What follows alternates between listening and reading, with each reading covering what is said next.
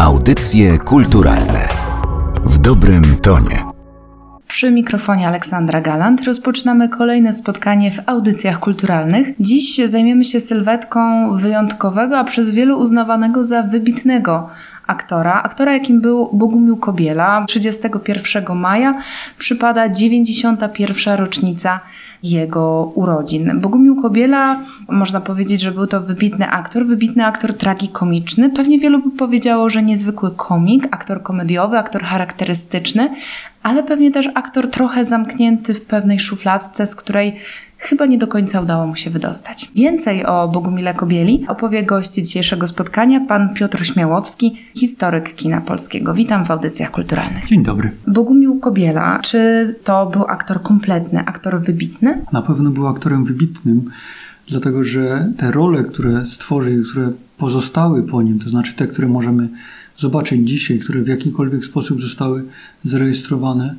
pokazują skalę jego talentu, przede wszystkim tragikomicznego, to znaczy te barwy, którymi operował i te niuanse pozwalały dostrzec w postaciach, które grał ludzi miażdżonych przez tryby historii albo przez jakieś towarzyskie, bardzo trudne sytuacje, które Kobiela i ośmieszał i pokazywał ich tragiczną stronę. Świetnie potrafił to łączyć. Natomiast z tą kompletnością jego aktorstwa jest inaczej. To znaczy, na pewno nie był to aktor spełniony, kompletny na pewno, jeżeli chodzi o warsztat i o swoje możliwości. Ale w tej kompletności, ja rozumiem, też mieści się jakaś miara spełnienia zawodowego. No i nie był to aktor spełniony, dlatego że kiedy patrzy się na jego filmografię, jest tam kilka głównych ról, bardzo ważnych niektóre, natomiast reszta to są epizody, których on sam nie lubił, na które narzekał i opowiadał, w jak fatalnych warunkach powstawały i w jak fatalnych warunkach się do nich przygotowywał, jak go traktowano na planie. I niestety to jest tak, że po 1969 roku mówiło się, że polskie kino poniosło ogromną stratę po śmierci Bogumiła Kobieli, ale ja nie mam wrażenia, żeby prawdopodobne bardzo było to, że gdyby Bogumił Kobiela żył, to byłby aktorem wykorzystanym i w pełni docenionym przez polskie kino. Myślę, że jego dalsza kariera, gdyby żył, to byłyby takie wzloty i wahania i takie błyski, tak jak to było w latach 50. i 60. Nie było w jego przypadku takiego momentu, nawet po zazowatym szczęściu, że zagrał tę rolę i jego kariera wybuchła, że nagle zaczął otrzymywać wspaniałe role i tak jakby mógł, mógł się cały czas rozwijać. To były jednak wzloty i upadki. W tym sensie upadki, że no, po takim świetnym filmie jak Zobacz Szczęście nagle jakieś epizody, takie nie wiadomo co trochę. Wielu uważa właśnie Zezowate Szczęście za takie największe osiągnięcie, jeżeli chodzi o filmografię Bogumiła Kobieli, a on sam kilka miesięcy przed śmiercią w wywiadzie dla filmu mówił, że on na tę jedną najważniejszą rolę cały czas czeka i ma nadzieję, że ktoś dla niego taką rolę stworzy. A a propos tego, co pan mówił, no Marek Piwowski ponoć w rejsie szykował dla niego rolę kałowca, czyli znów rola w farsie. No i można sobie tylko wyobrażać, jak inaczej niż Stanisław Tymon zagrałby tę rolę. Stanisław tym jest w pewien sposób poważnie nieporadny. Myślę, że e, Bogumił Komiela raczej byłby komiczny. Dużo grał ciałem na przykład, gestykulacją. Myślę, że ten kałowiec byłby zupełnie inny. Wiem, że Stanisław tym z ciężkim sercem przejmował tę rolę. Zresztą bardzo trudno kręci się film, który był przeznaczony dla konkretnego aktora. Tak samo było z Przeprowadzką, która powstała ostatecznie w 1972 roku. Scenariusz powstawał pod koniec lat 60. i Bogumił Kobiela był jego współautorem. Bardzo chciał zagrać w tym filmie. Jest kilka takich tropów tego, co Bogumił Kobiela mógł jeszcze zagrać. Ja pamiętam ten wywiad z 1969 roku, czytałem go jakiś czas temu, w którym on mówił, że czeka na tę rolę. Myślę, że on mówił też pod wpływem dystansu czasowego, jaki minął od Zowatego Szczęścia. On y, mówił o tym filmie jako o okazji do autentycznej analizy postaci, do rozmów z reżyserem, do przygotowań, do tego, żeby mieć całą postać w głowie ułożoną chronologicznie, bez względu na to, że film się nie kręci po kolei, ale być przygotowanym do różnych nastrojów, które ta postać ze sobą niesie. Tego Bogumiłowi Kobieli bardzo brakowało. On opowiadał o większości swoich występów w kinie jako o sytuacjach, w których przychodzi na plan, szybko go charakteryzują, ubierają w kostium. Nie ma mowy o jakiejś dłuższej rozmowie z reżyserem, staje na schodach, mówią mu proszę zejść trzy stopnie, uśmiechnąć się, dziękujemy bardzo. I był tym bardzo rozgoryczony i można powiedzieć, że na tym polegało to jego oczekiwanie na, na wielką rolę. No, był ten reżyser komedii, które są do dzisiaj bardzo popularne, Leon Janot, który nakręcił i Kryptonim Nektar i Człowieka Zem 3. To są główne role Bogumiła Kobieli. To są filmy niezwykle popularne, ale trudno mówić o aktorskim spełnieniu, dlatego że w pewien sposób Bogumił Kobiela powtarzał swoje wcześniejsze osiągnięcia. Te role były jakimś powieleniem wizerunku człowieka, który jest nieporadny, nie potrafi sobie radzić z przeciwnościami życiowymi. Jest w tym ujmujący, ale naprawdę czekało się, myślę, tak jak słucham dawnych wypowiedzi krytyków filmowych, czy czytam dawne analizy kina polskiego, Czekało się na równie wielką rolę Bogumiła Kobieli, jak ta w Zezowatym Szczęściu, tę już w latach 60. Kiedy pana słuchałam, pomyślałam sobie o dwóch rolach, które chyba dla mnie są najważniejsze, jeżeli chodzi o Bogumiła Kobielę. To jest Drewnowski w Popiele i Diamencie. Być może tu jesteśmy, tak mi się wydaje, najbliżej jakiejś kreacji, bo rola, która była do niego przeznaczona, była dosyć jednoznaczna. Natomiast Kobiela nadał jej taki rys, charakter niejednoznaczności. Wydaje mi się, że to jest kluczowe dla aktorstwa Kobieli. No a druga rola to jest Wartburg w filmie Ręce do góry Jerzego Skolimowskiego. Wartburg jest dla mnie postacią bardzo ważną, dlatego że tam jest najmniej Bogumiła Kobieli komediowego. To jest moment, w którym być może aktorstwo Bogumiła Kobieli mogło się rozwinąć trochę w inną stronę. On jest tam niekiedy śmieszny, ale jest śmieszny śmiesznością innych postaci, to znaczy ich takim lękiem związanym z tamtą epoką, który Skolimowski nie tyle ośmiesza, co próbuje pokazać, jakie to było zapętlenie tragiczne. Więc Wartburga bardzo cenię, zwłaszcza, że z żalem trzeba powiedzieć, że Bogumił Kobiela nie doczekał tak jakby premiery tego filmu i nie mógł też zobaczyć, jak inaczej widzowie odebraliby ten jego inny trochę wizerunek.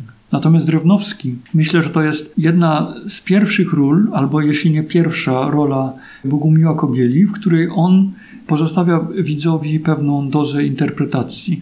Konrad Eberhard pisał kiedyś, że Bogumił Kobiela osiąga najlepsze efekty wtedy, kiedy swoją postać ośmieszy i skompromituje do samego końca. Tak mówił na przykład o Piszczyku. Trudno mi się z tym zgodzić, dlatego że zarówno Drewnowski, jak i Piszczyk mają w sobie rysy kogoś, kto, zwłaszcza Piszczyk, chciałby być dobry i w momencie, kiedy on taką okazję dostaje, to znaczy zostaje przez kogoś doceniony i zostaje mu dana szansa, on rośnie sam we własnych oczach, ale w takim pozytywnym sensie. Natomiast Drewnowski, wydawałoby się, że to jest szuja pierwszej wody, ale ja w nim widzę tragizm człowieka, który się po prostu boi, który chciałby osiągnąć jakiś sukces, a jednocześnie się boi.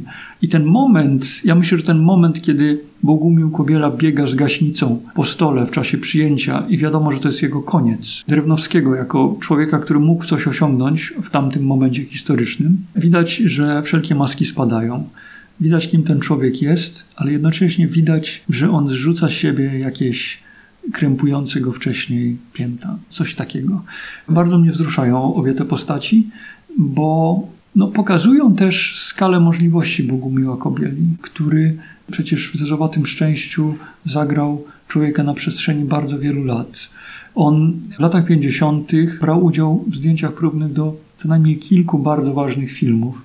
Pamiętam, widziałem zdjęcia próbne z nim do Cienia Jerzego Kawalerowicza, Spotkań Stanisława Lenartowicza, do Zamachu Jerzego Passendorfera. On bardzo często słyszał, że wygląda zbyt młodo i zbyt chłopięco, że jest taki charakterystyczny ze swoim tym odstającym nosem, wystającym nosem. Natomiast no, tymi rolami u Wajdy i u Munka udowodnił właśnie, że jego fizis jest tylko punktem wyjścia, a nie dojścia. Zwłaszcza później Wajdy we Wszystko na sprzedaż zagrał, zagrał wspaniałą rolę, która podsumowała i jego przyjaźń ze Zbigniewem Cybulskim i to, co on myślał o aktorstwie. To jest Wspaniały epizod, który on sam zaproponował, zresztą mówił o tych najważniejszych różnicach między Wajdą i Munkiem, że Munk pracował analitycznie, miał wszystko ułożone w głowie, przychodził ze scenopisem i aktor właściwie mógł tworzyć pewną interpretację postaci w ramach tego, co było zapisane w scenopisie. Natomiast mówił o tym, że Wajda dawał pełną swobodę. Bardzo lubił pracować z nimi oboma. Zresztą Munkę zagrał swoją pierwszą ważną rolę w Eroice w noweli obozowej porucznika Dąbeckiego. I tym bardziej szkoda, że Andrzej Wajda w pewnym momencie się zawahał, bo przecież Bogumił Kobiela miał też zagrać główną rolę męską w polowaniu na muchy. Wszystko już było podobno dogadane. Nawet zachował się list Bogumiła Kobieli do matki, w którym pisze, że dostał taką rolę. Co prawda zaznacza tam, że jeszcze nic może z tego nie wyjść, ale po latach Andrzej Wajda mówił, że coś wtedy poczuł, że tę postać, którą zagrał ostatecznie Zygmunt Malanowicz, musi zagrać aktor, który nie będzie miał w sobie takiej dozy dominacji na ekranie. On uważał, że Bogumił Kobiela potrafi sobą, zresztą słusznie, całkowicie ekran zdominować. Nie uwierzył, że, że Bogumił Kobiela może świetnie tę postać takiego podległego mężczyzny wykreować, no i tej roli Bogumił Kobiela już nie zagrał. Mówimy o tym, że mm, Bogumił Kobiela w jakiś sposób nie był spełniony, a z drugiej strony wymieniamy jego rolę u najważniejszych reżyserów tego czasu, ale myślę, że w ogóle najważniejszych polskich reżyserów. Wajda, Munk, Has, Skolimowski.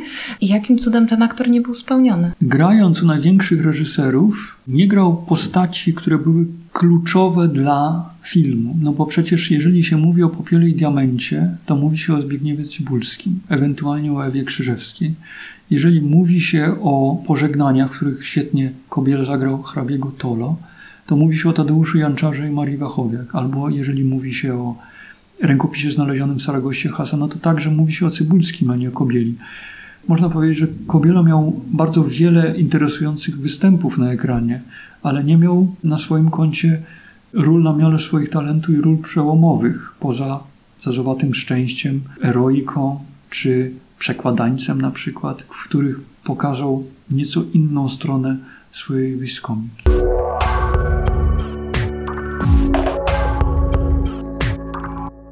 Kilkukrotnie w trakcie naszej rozmowy pojawiło się już nazwisko Zbigniewa Cybulskiego i tej niezwykłej przyjaźni, która ich połączyła. Oczywiście nie wiem, jak to wyglądało od środka, natomiast z zewnątrz łatwo jest odnieść wrażenie, że Bogumił Kobiela był czasami traktowany jako dodatek do Zbigniewa Cybulskiego, jak taki trochę młodszy brat. Trudno powiedzieć. Rzeczywiście był młodszy o 4 lata, natomiast oni studiowali na jednym roku, później byli w jednym teatrze u Lidii Zamkow, później razem prowadzili bimbom. Gdy czyta się wspomnienia bimbomowców, to jednak uderza to, że oni ich traktują równorzędnie. Równorzędnie traktują dowcipy, które sobie nawzajem robili i kto kogo przebije.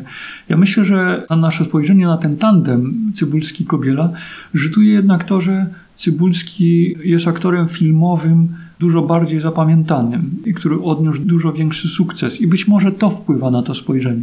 Zbigniew Cybulski był, był człowiekiem dużo bardziej nieśmiałym. Kobiela był człowiekiem dużo bardziej towarzyskim w tamtych czasach. Dużo lepiej odnajdował się właśnie w robieniu dowcipów. Do legendy przeszła ta cała sprawa, kiedy razem z kolegami, ale to był jego pomysł, nabrali Zbigniewa Cybulskiego, że przyjdą do niego reporterzy z radia, że to będzie wywiad na żywo o Bimbomie, to był 55 rok jeszcze przed Odwilżą.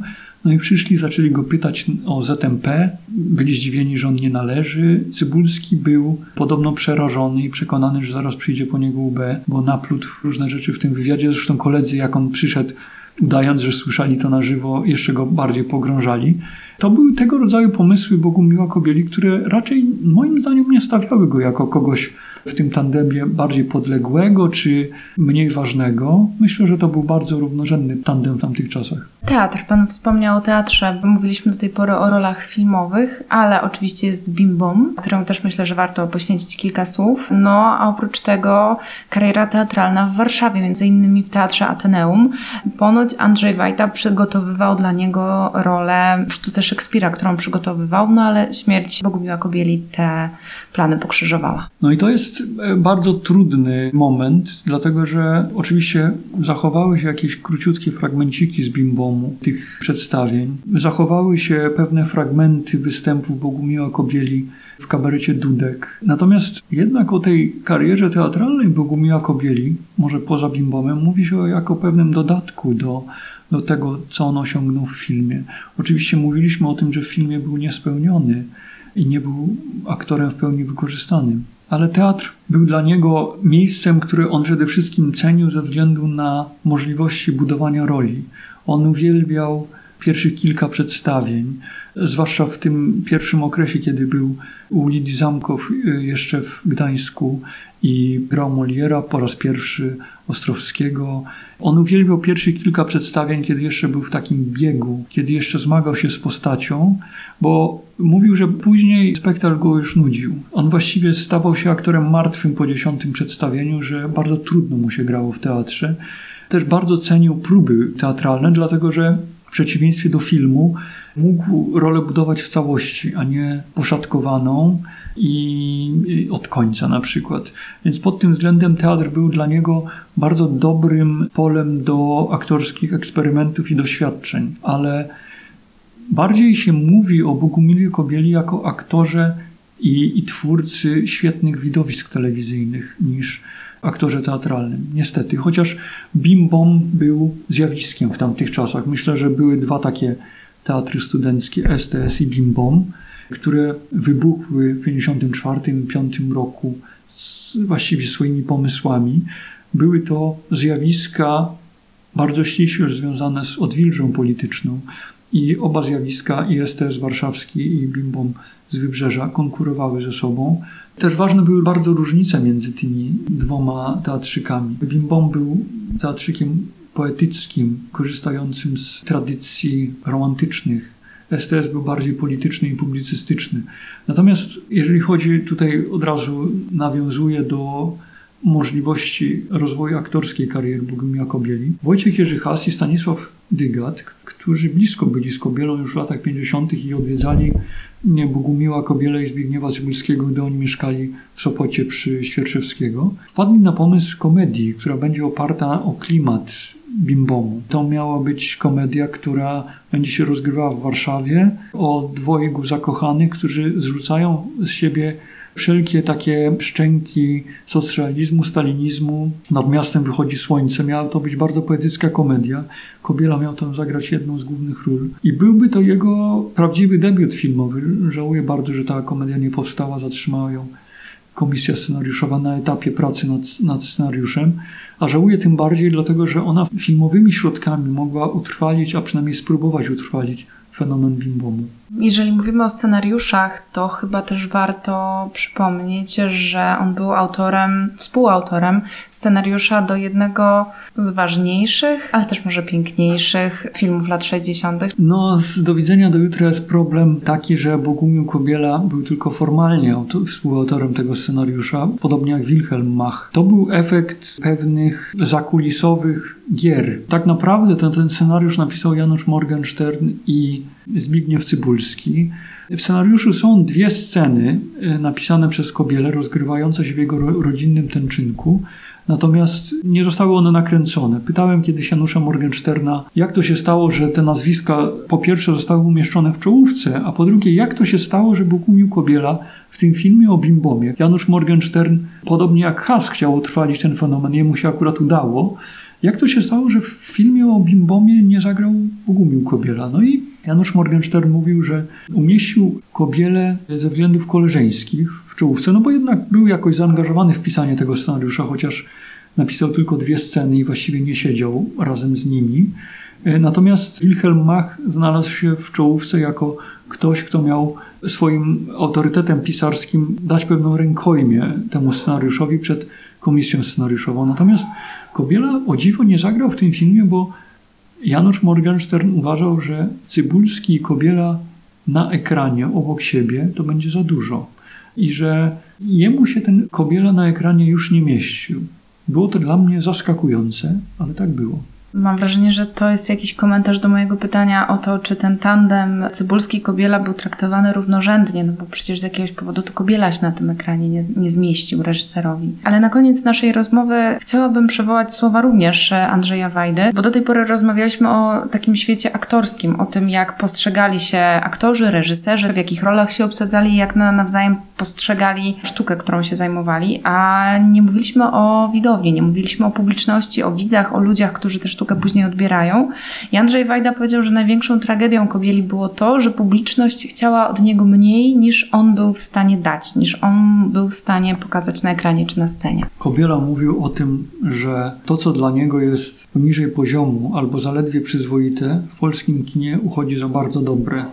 To też był jego komentarz do tego, jak te filmy się kręci. Myślę, że Kobiela marzył o takim scenariuszu, który może nie tyle od razu by mu obiecywał wspaniałą rolę, ale rolę, o której on będzie mógł podyskutować z reżyserem, na którą będzie miał czas, żeby ją zbudować i która będzie dla tego filmu o tyle istotna, że będzie o czym dyskutować. No bo przecież jest w jego filmografii mnóstwo ról, które można skwitować naprawdę jednym zdaniem, jak Inspekcja pana Anatola, czy te epizody, które wylatują nawet z głowy w karierze Jana Kechera, czy te trzy opowieści. Kobiela mówił, że przyjmował właściwie każdą rolę, bo liczył, że w pewnym momencie coś zas- zaskoczy, że znajdzie tę rolę, której szuka, bo on też wierzył, że te epizody, które gra, mogą mu przynieść coś bardzo ważnego. Publiczność rzeczywiście oczekiwała przede wszystkim tego, że Kobiela ich rozśmieszy. Brat Bogumiła Kobieli, Marek Kobiela, wspomina w książce o nim, że bardzo trudne dla jego brata było to, że pojawiał się gdzieś w restauracji czy kawiarni i od razu pojawiał się tłum gapiów, którzy prosili go, żeby opowiedział jakiś dowcip albo coś zrobił zabawnego. Bogumiłowi Kobieli bardzo trudno było się odnaleźć, bo miał wrażenie, że to jest wszystko, czego się od niego oczekuje, a właśnie chciał zrobić dużo więcej. Gościem audycji kulturalnych był historyk polskiego kina, pan Piotr Śmiałowski. Bardzo dziękuję za rozmowę. Ja także dziękuję. Audycje kulturalne w dobrym tonie.